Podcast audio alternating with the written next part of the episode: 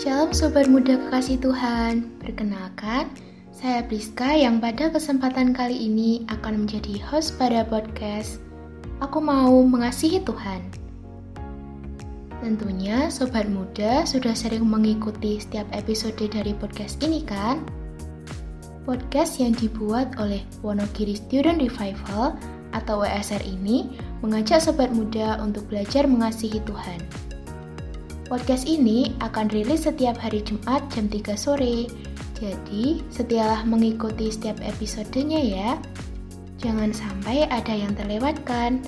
Supaya sobat muda bisa belajar dengan lengkap dan bisa mengalaminya dalam hidup sobat muda semua. Oke sobat muda semua, sekarang kita akan ngobrol-ngobrol lewat segmen BTW. Bincang-bincang teman weekend. Pada BTW kali ini, saya tidak sendirian. Saya akan berbincang-bincang dengan tamu spesial untuk bisa belajar bersama. Siapakah tamu spesial kita kali ini? Jangan ke mana-mana, stay tune terus di sini ya.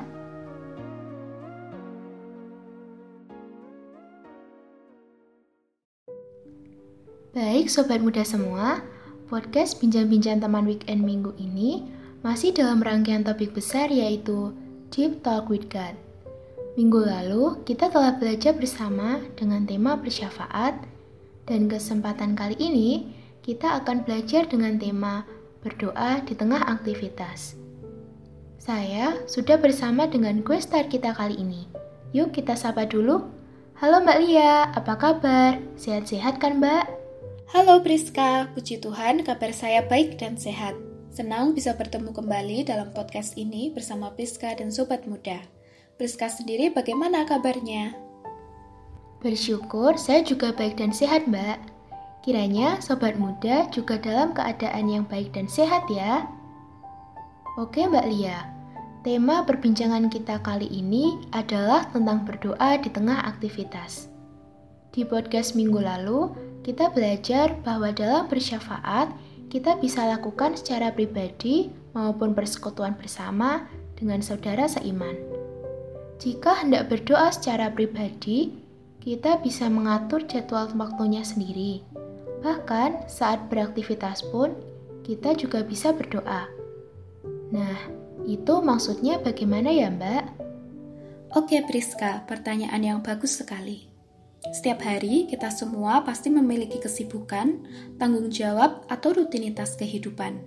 Misalnya sekolah, les, kegiatan organisasi atau ekstrakurikuler, kuliah, mengerjakan tugas, kegiatan pelayanan, mengerjakan tanggung jawab rumah, ataupun bekerja. Kita hanya memiliki waktu luang yang sedikit. Bahkan waktu luang itu pun kita pakai untuk tidur, makan, dan mandi. Kemudian kita kembali lagi dalam rutinitas kesibukan kita. Aktivitas kita sehari-hari adalah tantangan bagi kita untuk dapat menemukan waktu untuk berdoa. Di sisi lain, ketika kita memiliki waktu yang cukup untuk bersekutu dengan Allah, biasanya kita tidak memakai waktu itu untuk bersekutu dengan Allah. Malahan, kita memakainya untuk kesenangan pribadi kita. Tuhan Yesus adalah pribadi yang sangat sibuk ia memiliki banyak kesibukan dalam hidupnya untuk melayani banyak orang. Tuhan berkhotbah dan mengajar, memberitakan Injil, menyembuhkan, mengusir setan, melakukan banyak mukjizat, dan memimpin murid-muridnya. Namun, di tengah kesibukan dan aktivitasnya, Tuhan menyediakan waktunya untuk bersekutu dengan Bapa di surga, yaitu dengan berdoa.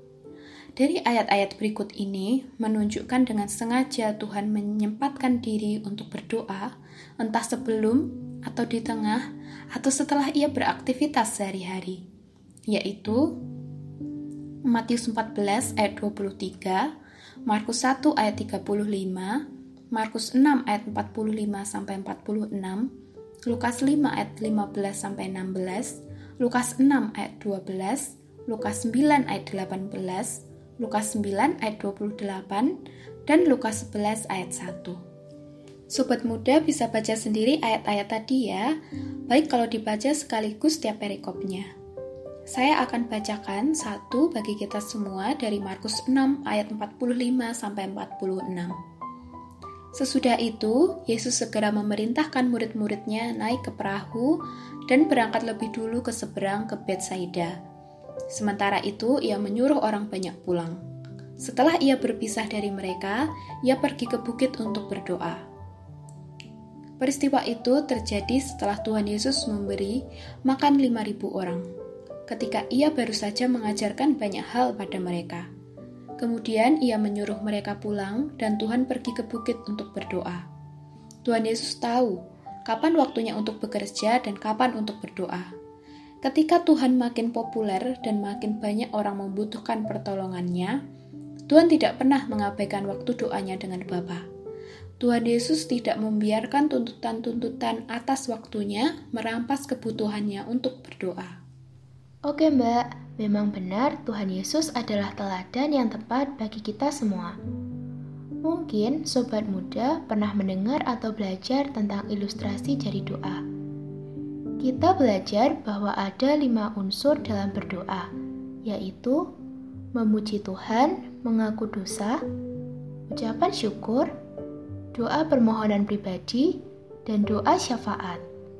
Pertanyaannya, Bagaimana ya Mbak, ke semua unsur itu dapat kita doakan tiap hari?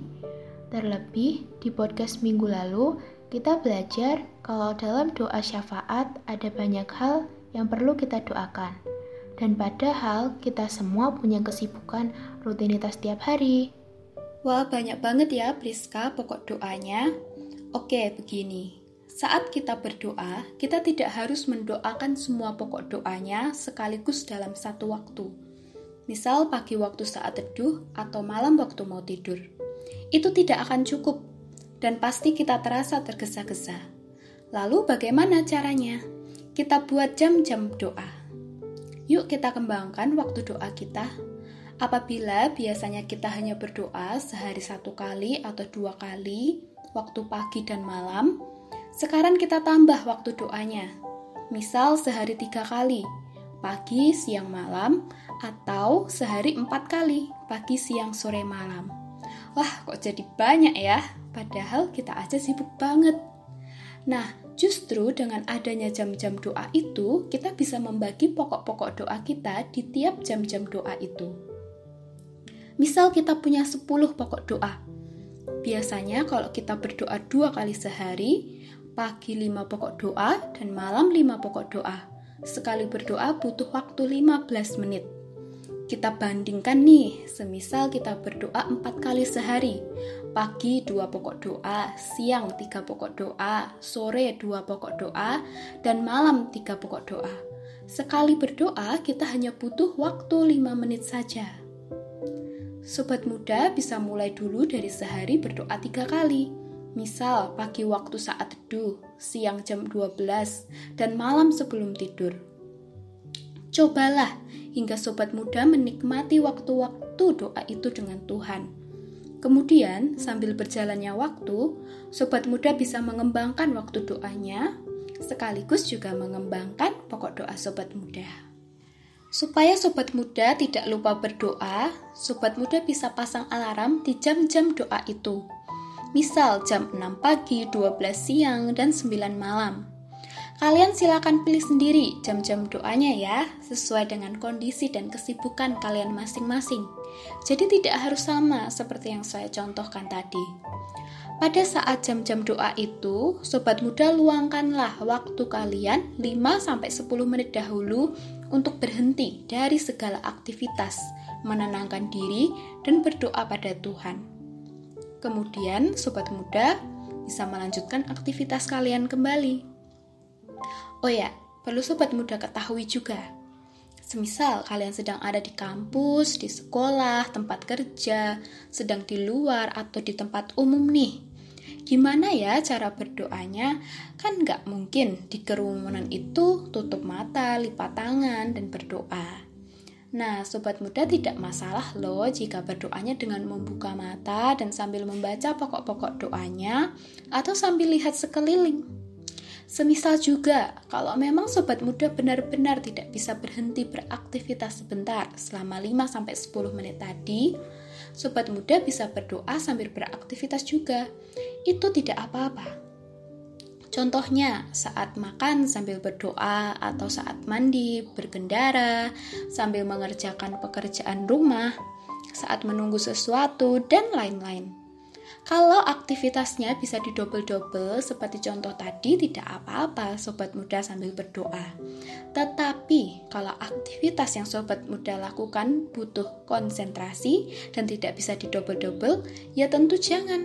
Misal waktu sekolah, mengerjakan tugas, les, atau bekerja begitu. Wah, oke, okay, siap Mbak. Menarik sekali. Jadi, berdoa sambil beraktivitas itu boleh ya? Tetapi Mbak, saya ada pertanyaan nih. Kalau berdoa dengan begitu, apakah doanya diterima Tuhan ya Mbak? Pastikan tidak kusuk. Oke Priska, hal-hal yang kujelaskan tadi terkait tentang bentuk berdoanya ya. Kalau terkait tentang bentuk berdoa, mau dengan membuka mata atau menutup mata itu tidak apa-apa. Di kerumunan atau di dalam kamar atau tempat sunyi juga tidak apa-apa.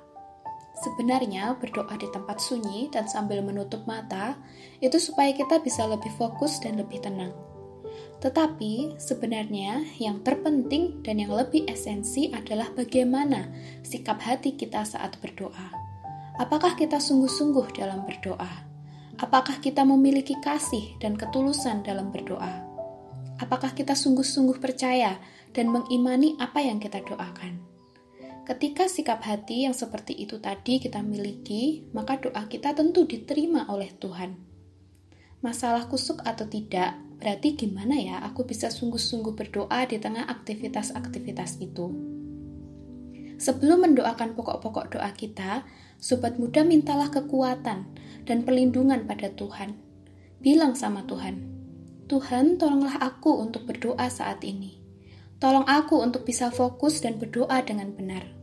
Tuhan pasti akan menolong sobat muda dalam berdoa saat itu. Jadi, sobat muda senantiasalah berdoa setiap hari ya, bahkan di tengah kesibukan, tanggung jawab, dan rutinitas kalian. Tuhan pasti menolong sobat muda untuk bisa berdoa di tengah aktivitas-aktivitas kalian. Semangat berdoa semua! Oke Mbak Lia, terima kasih banyak ya untuk pelajaran yang dibagikan kali ini. Kiranya sobat muda semua terberkati melalui perbincangan kali ini. Tuhan Yesus memberkati Mbak Lia. Sama-sama Priska, Tuhan Yesus memberkati Priska dan sobat muda semua.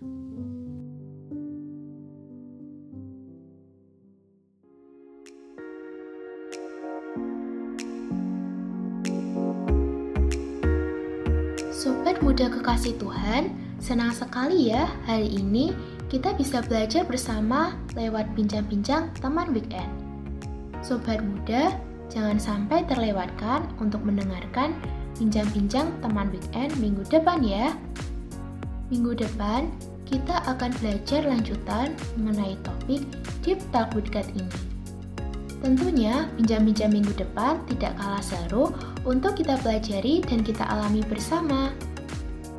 Kalau ada sobat muda yang ingin berdiskusi, bertanya, memberi masukan, boleh deh sobat muda sampaikan lewat Instagram BSR di @wstudentrevival. Oke, sekian podcast kali ini. Gabung lagi minggu depan ya. Tuhan Yesus memberkati.